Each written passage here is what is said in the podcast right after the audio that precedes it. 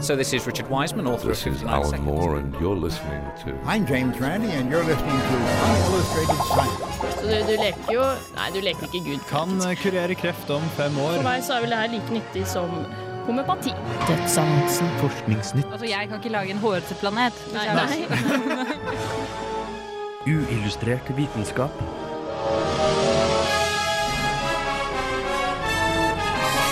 Science, it works, bitches. Uillustrert vitenskap er endelig tilbake på luften.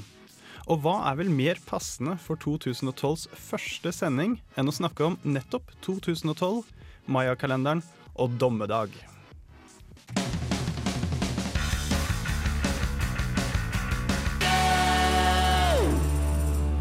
Der hørte du Devin Your Mine, som åpnet uh, semesterets første uillustrert vitenskapssending. Eh, godt nyttår, eh, alle sammen. Godt nyttår! Og eh, med meg i studio har jeg som vanlig Jeanette Bø. Og Sunny Islam. God dag, god dag. Mitt navn er Ole Eivind Sigrud, og eh, du Sunny, du har jo vært ute og gjort noe spesielt denne uken. Ja, nei, Jeg hadde jo egentlig tenkt å lage en reportasje om kulddøden, men det var ingen i NTNUs ekspertpanel som var villig til å bli med meg på et intervju, så jeg dro på foredrag i stedet, på Dokkhuset. Og Der så var Lars Kirkesmo Faro og holdt et foredrag om Mayones kalendersystem. Og alle vet jo at verden ender i år, i desember i 2012. Ja, Det har vi jo snakket mange ganger om uh, før, men uh, vi gjør det igjen uh, fordi det passer jo godt. Dette var jo da et arrangement i regi av NTNU Kunnskapsbyen. Stemmer det. De har fryktelig mye spennende på programmet, de. Veldig mye. Jeg tror vi kommer til å ha en god del reportasjer fra det i år. Ja. Både Ben Goldacre og Lone Frank-intervjuene i fjor var jo fra sånne Kunnskapsbyen-arrangementer, så følg med på ntnu.no slash kunnskapsbyen. Se om det er noe du vil eh, være med på. Dette foredraget ligger også ute på Kunnskapsbyens sider. Eh, Som, som video. Som video.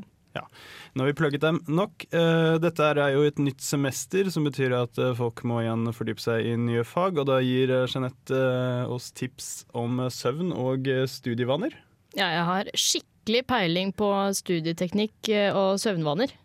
Er- Feil vei, da, men jeg har peiling. Dette gleder vi oss til. Eh, og så eh, skal vi i Forskningsnytt denne sendingen oppsummere alt som har skjedd på forskningsfronten siden vår forrige sending i slutten av november. Det er ikke dårlig. Nei, det blir super cool. Men det første temaet er jo som sagt eh, 2012. Eh, du, Sunny, har intervjuet Lars Kirkesmo Faro. Det skal vi få høre etter Fatboy Slim.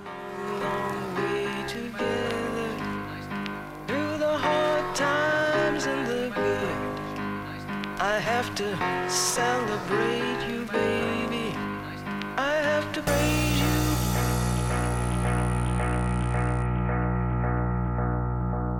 Radio Revolt. For meg er det egentlig fordel å være religionshistoriker og interessert i språk. Fordi det er tre grupper som indianere eller urbefolkning i Amerika misliker sterkt. Den ene er new-agere, som vulgariserer kulturen. Nummer to er da misjonærer, kristne misjonærer, spesielt protestanter fra USA. Nummer tre er antropologer, som de er veldig lei av. Som, uh, hvordan de henger rundt og stiller masse upersonlige spørsmål. Konsensusen sier at verden skal gå under i desember i år. Men jeg er ikke helt overbevist. Lars Kirkesmo Faro har doktorgrad på Mayanes kalendersystem og holder foredrag om både kalenderen og 2012. Kan han bekrefte en tidlig dommedag? Og denne kalenderen begynner 3014 før Kristus, den 11. august, og vil da fortsette langt inn i uoverskuelig fremtid. Også lenger enn 2012, 21. desember 2012. Så den tar jo ikke slutt. Det er en, en telling av antall dager fra en veldig tidlig begynnelse. Det var Før begynnelsen så var det flere langtellingskalendere før 3014 før Kristus. Så var det mange andre langtellingskalendere før, som går millioner, kanskje milliarder av dager før denne langtidskalenderen. Så det er enorme tidsenheter i lang tid i fortiden. Uoverskuelig fortid, men det betyr jo også at det er en uoverskuelig fremtid som går langt utover 2012. Og det er det mange som ikke har fått med seg. Ja, Vi finner inskripsjoner i en by som heter Palenque Chiapas i Mexico. Da er det inskripsjoner som opererer med datoer som tilsvarer i vår kalender 4772 etter Kristus. Altså flere tusen år etter, etter 2012. Så det er jo helt klart, og det er jo et endelig bevis for at 2012 ikke er en endelig egen sluttdato for denne langtellingskalenderen.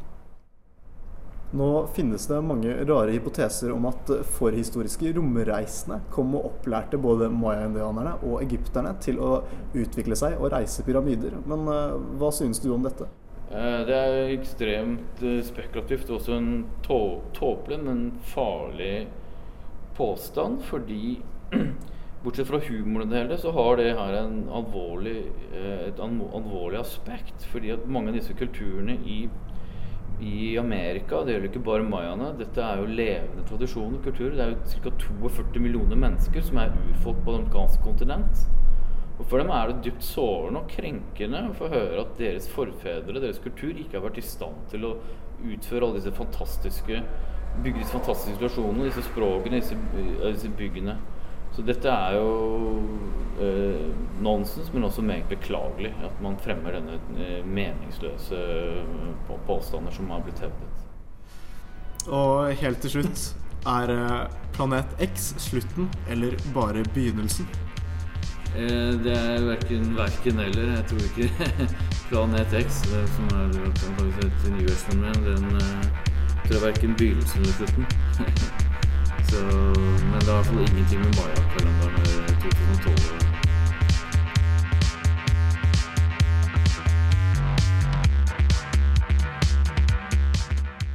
Der hørte du uh, Sunny Islams intervju med Lars Kirkusmo Faro om eh, 2012.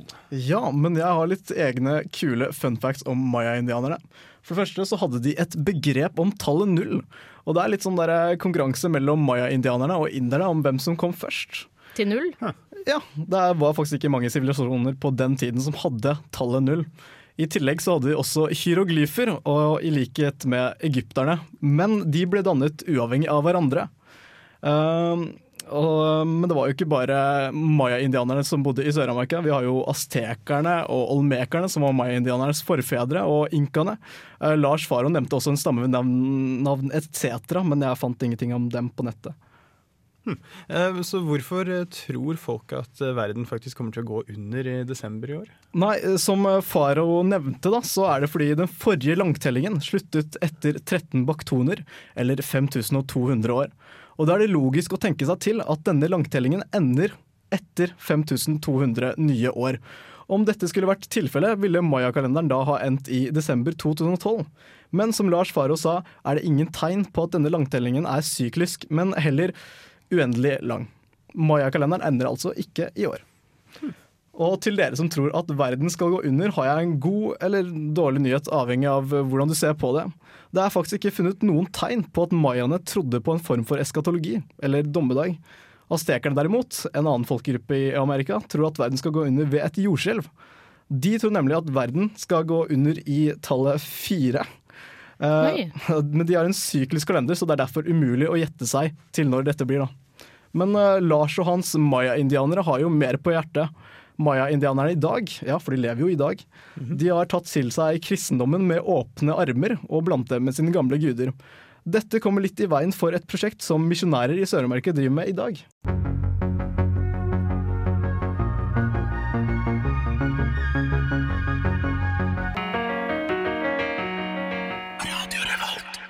Jeg har uh, mitt siste prosjekt, som har vært et postdoc-prosjekt finansiert av Forskningsrådet, uh, som har gått over eh, tre år, er om uh, hvordan eh, protestantiske misjonærer oversetter Det nye testamentet til indianske språk.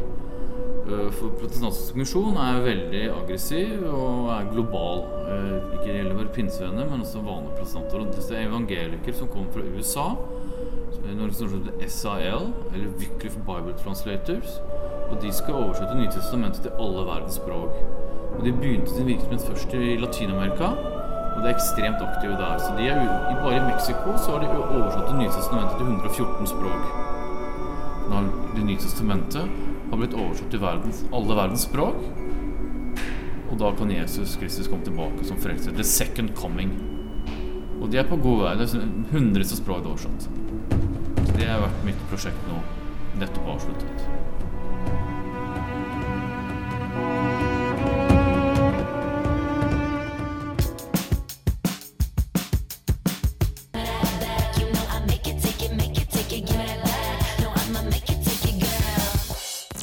Uillustrert vitenskap. Radio Revolt. This is Charles L. Bennett from Johns Hopkins University. Science, it works, bitches. Vi er i starten på et nytt semester, og et av nyttårsforsettene til mange er at dette semesteret skal jeg lese jevnt og slippe unna skippertaket før sommeren. Du har også kanskje allerede innsett at dette slaget er tapt, siden dette forsettet er blitt brutt hvert år. Men her kommer et lite tips som kanskje kan bedre læringsevnen din det kommende semesteret.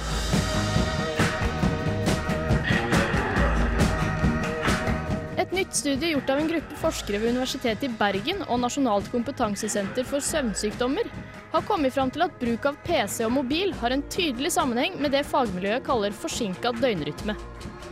Studiet er for øvrig nylig blitt publisert i Journal of Sleep Research. Ifølge professor Ståle Pallesen fører en slik tilstand til at man sover mindre på hverdagene, noe som igjen gjør deg mindre opplagt på dagtid. Og dette svekker evnen til læring. Resultatene viser at personer som ofte bruker aktive medier som mobil og datamaskin på soverommet, både legger seg senere om kvelden og står opp senere. I tillegg kan det føre til at man forbinder soverommet med aktiverende stimuli og ikke søvn. Rådet er altså å kun bruke soverommet til søvn og seksuell aktivitet. Dette kan være vanskelig for en student, siden soverommet ofte er det eneste rommet som er ditt eget. Men et godt tips er å legge igjen laptopen og mobilen på stua før du legger deg. Gitt at du soler nok på resten av det eventuelle kollektivet, selvfølgelig.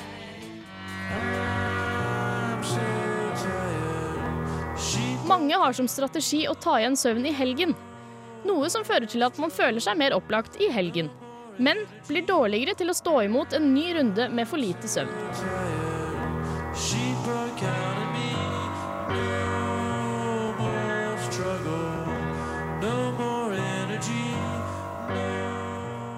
Der hørte du Jeanettes eh, studie og søvntips. Eh, Men hvorfor i all verden eh, bestemte du deg for å lage denne saken her? Eh, Jeg syns det er litt passende. Jeg, har litt, jeg er litt sånn trøtt. Jeg har ikke noe lyst til å begynne på, på det semesteret her. Og jeg leste en stor og ny oppdagelse i Scientific American. eh, hvor det sto 'Glem Ritalin! Eh, nytt triks for bedre læring'. Og ved hjelp Nå er jeg. Nå er jeg veldig Ja, ja, spent. hør. Ved hjelp av snegler og hummer så har noen forskere i Texas kommet fram til at den beste løsningen, hold dere fast, er å lese jevnt utover semesteret. Wow! Er det ikke, er det ikke enda bedre å lese jevnt og ta Ritalin i tillegg? Ja, det kan du vel også Ja, ja. Men de, de måtte virkelig ta frem hummeret for å, Ja, for å var- finne ut at å lese jevnt var, var en god idé. Og jeg, jeg ville ikke at det skulle være løsningen. Jeg, jeg vet at det er lurt, men det blir aldri noe av. Um, og så eh, har jeg også et, eh, et rom hvor jeg har alle eiendelene mine. Så jeg syns det er Jeg har litt problemer med å like det jeg akkurat har fortalt også, men da må jeg flytte på ting. Flytte dataen ut eh, på kjøkkenet, kanskje. Det vil være lurt. Der er det plass. For jeg ble ganske gretten da jeg hørte dette om at jeg ikke skal bruke PC og mobil, og ikke på rommet mitt heller. Det er jo der jeg gjerne har PC-en min. Men jeg spiser i senga, og jeg ser på film. Dataen er alltid i senga mi, egentlig. Men, men ikke akkurat når jeg sover, for da kan jeg, jeg er redd for å sparke den ut. Men det er visstnok greit å se på TV og høre på musikk på soverommet. Det er greit. Ja, ja. Og så fant de ikke noen resultater på, på dataspilling på soverommet. Men, så, men det sa de kanskje var fordi dataen ikke er på soverommet. Men jeg har aldri møtt noen som ikke har data på samme rom som de har seng. Er det fordi jeg er student, eller? Ja, det er vel fordi du er student. Nei, jeg tror jeg fremdeles ville ha dataen min på soverommet om jeg jeg hadde vil jo det. Det er jo trivelig å sitte og lese før du skal legge deg. Vet du hva? Men, eh, det Mamma har faktisk idé. PC i stua. True, true story. Jeg husker da jeg var liten, så hadde vi et datarom. Du, det hadde vi òg. Shit, Det er vi er viktig å, å, dedikere et helt rom til en data. Ja, det var Den- nok, var noe konstruktivt. Eh, men eh, vi har jo også sagt at vi skal oppsummere eh, hele julens forskning her i Illustrert vitenskap, og det skal vi gjøre etter Lasera har spilt Please Be My Third Eye.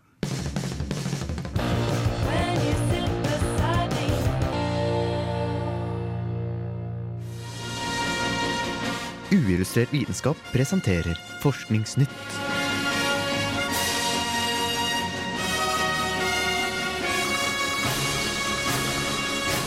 Forskningsnytt. Ja, Jeanette har jo sin egen måte å gjøre Forskningsnytt på, men jeg har en enda bedre måte, og det skal jeg sannelig vise. Vi har nemlig hatt pause siden slutten av november til i dag. Men vitenskapen, dere! Vitenskapen, den tar ingen pauser.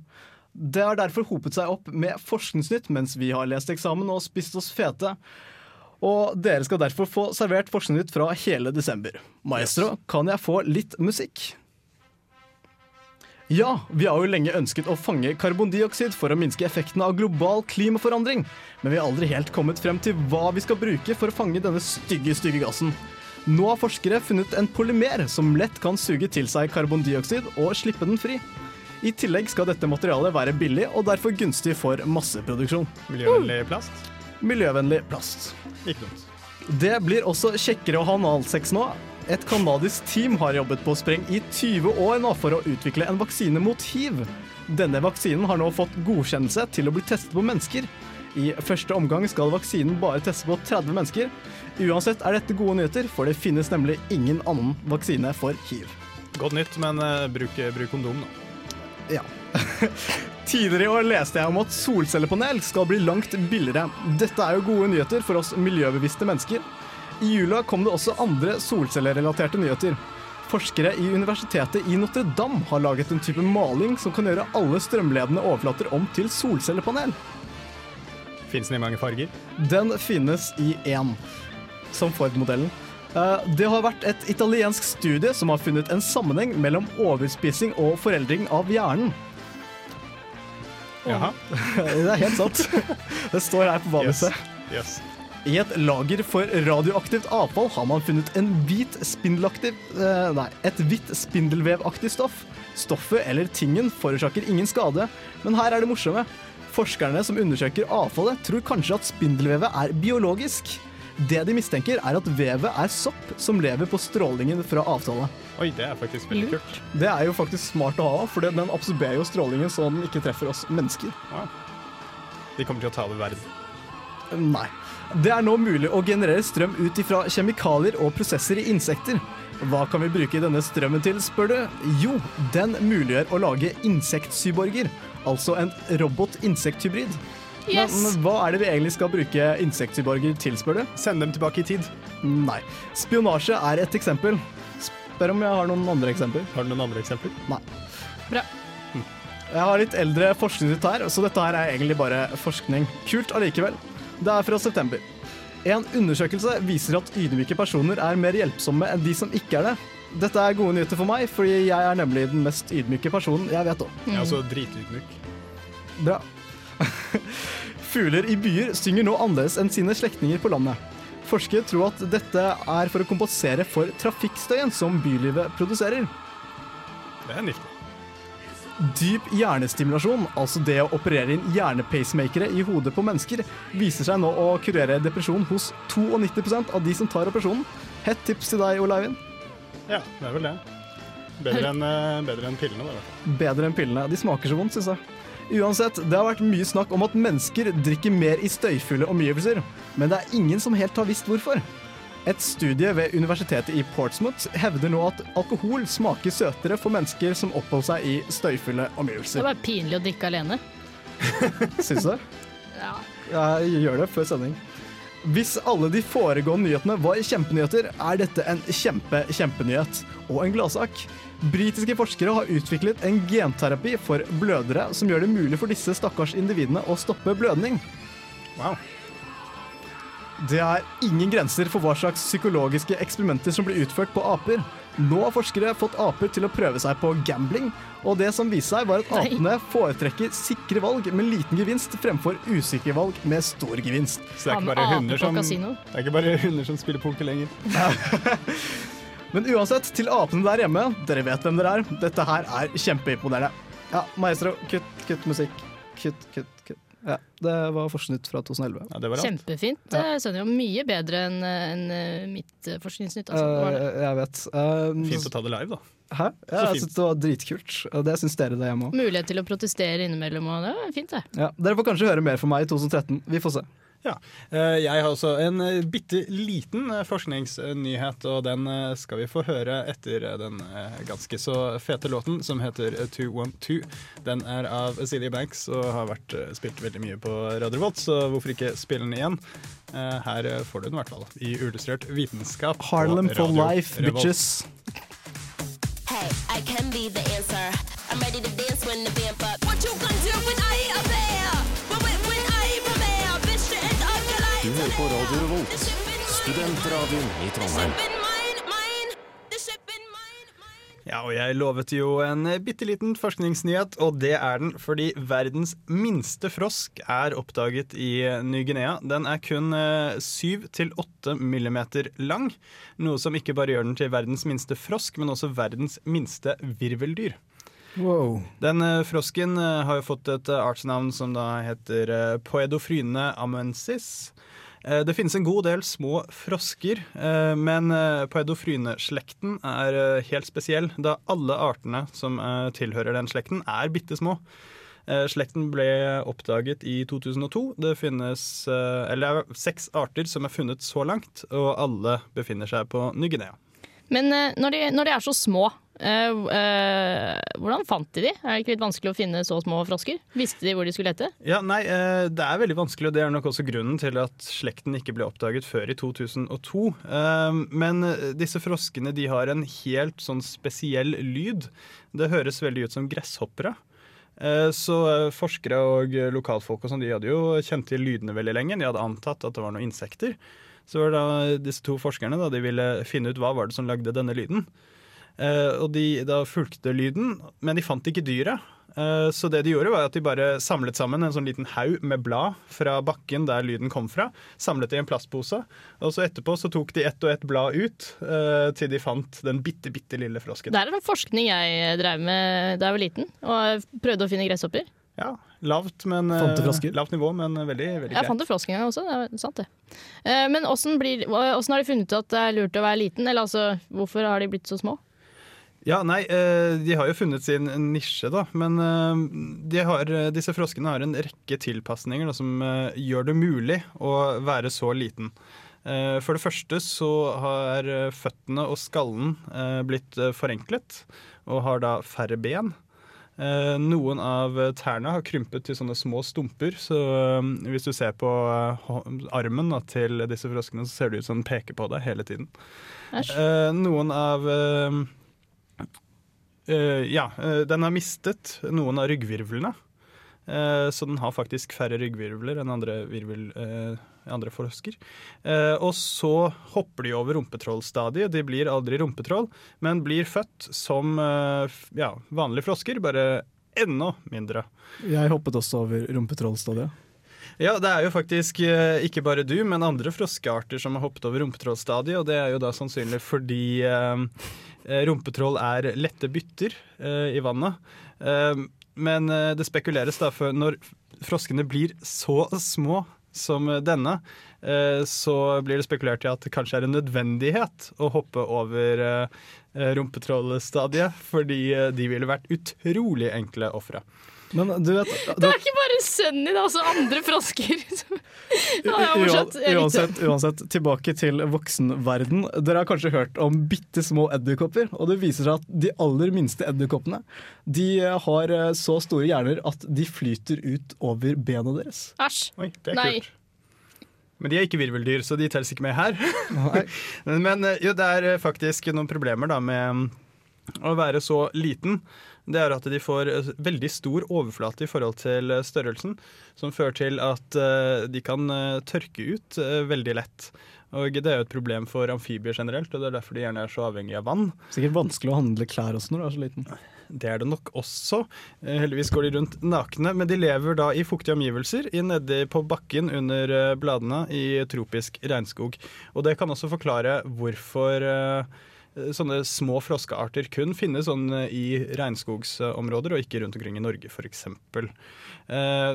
Det spekuleres jo også i at eh, de har utviklet seg slik, eh, altså til å bli så små, eh, ved å stoppe veksten i tidlig alder. Eh, og det kan man eh, Ja, det tyder på det, da, fordi de har enkelte deler av skjelettet som i andre frosker eh, kun blir hardt eh, i voksen alder. Det er fortsatt mykt da, i eh, disse paedofrynfroskene. Eh, så rett og slett så er de voksne som lever i en eh, barnekropp.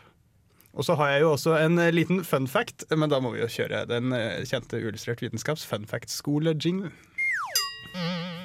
Du, illustrert vitenskaps fun fact-skole. Vær midtpunktet på neste vorspiel.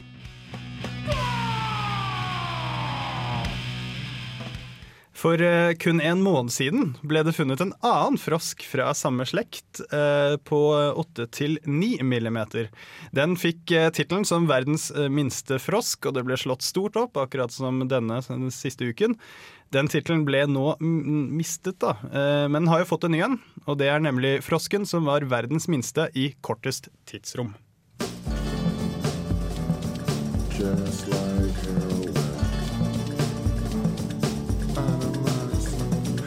never done heroin, but just like heroin.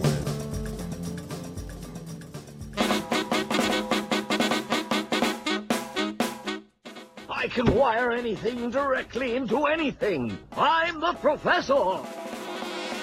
Uillustrert vitenskap. Vi har jo snakket litt om Maya-kalenderen og 2012 og dommedag, som ikke blir noe av.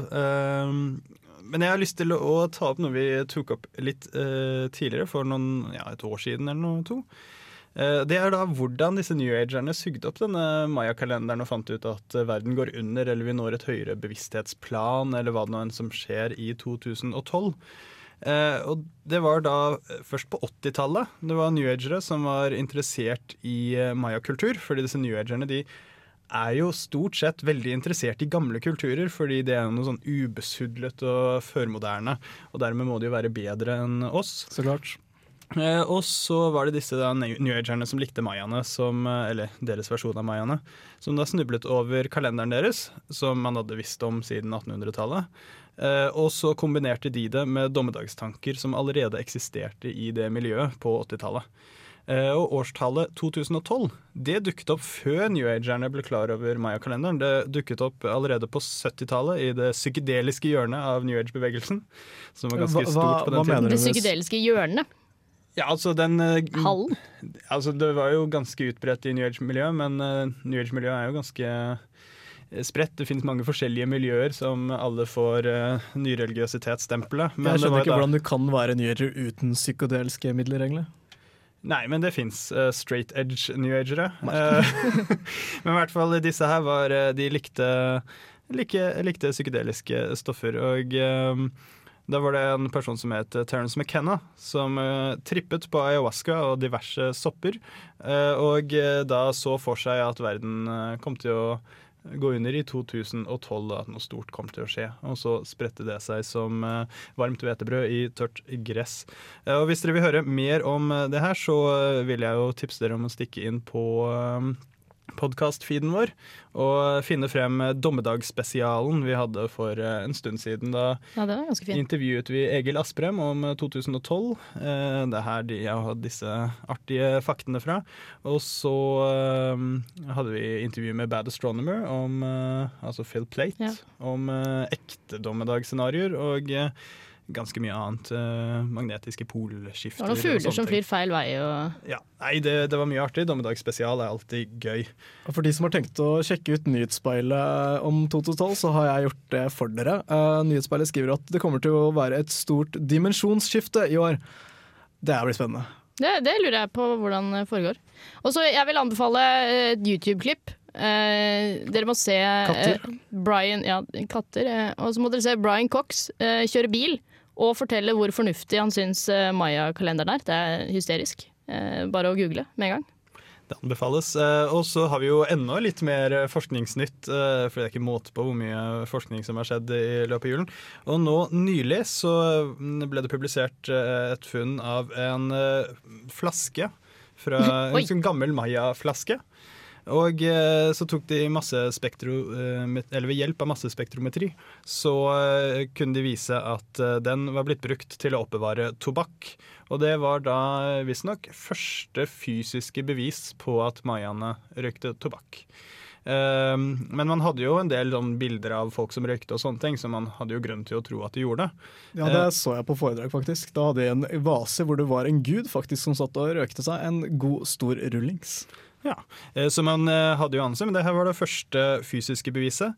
Og så på flasken så sto det jo en inskripsjon i disse maya-hieroglyfene. Eh, og den inskripsjonen viste at dette her var en flaske til å oppbevare tobakk. Og det var da visstnok historiens andre funn som beviser at inskripsjonen på en maya-flaske korresponderer med innholdet. Men de sjekka innholdet før de leste utenpå. Jeg regner med at de sjekket innholdet etter de leste utenpå. ja. Men det sto direkte Her er det røyk. Ja, det sto, eh, inskripsjonen var eh, 'Hjemmet til hans tobakk'. Ja. Direkte Så oversett. Kult. Ja, det var ganske hyggelig. Men eh, vi begynner å eh, gå tom for tid, eh, selv om verden ikke går under eh, av den grunn. Men, og etter oss så fortsetter Filmofil. De eh, har sett The Darkest Hour, som eh, handler om usynlige aliens som spiser elektrisitet. Ja! Det, det må jo være gøy. De har også sett To the Moon og Shame. Samt skal de snakke om 3D-versjonen av Løvenes konge. Følg. Tredjeversjon av Løvenes konge. Jeg syns ikke den bør være i tre, 3D. Ja, men eh, de har i hvert fall sett den alle sammen. De har ennå ikke hørt eh, hva de eh, mener, eh, altså de andre i programmet, så de skal ha en diskusjon.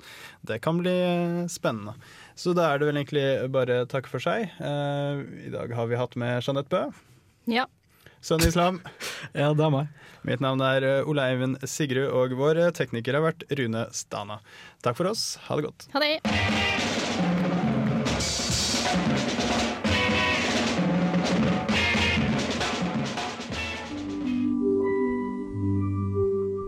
Uillustrert vitenskap er Midt-Norges eneste teknologimagasin på lokalradio.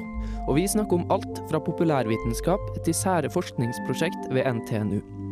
Radio Revolt, studentradioen i Trondheim, er stolt av å kunne presentere podkaster fra de aller mest populære programmene våre.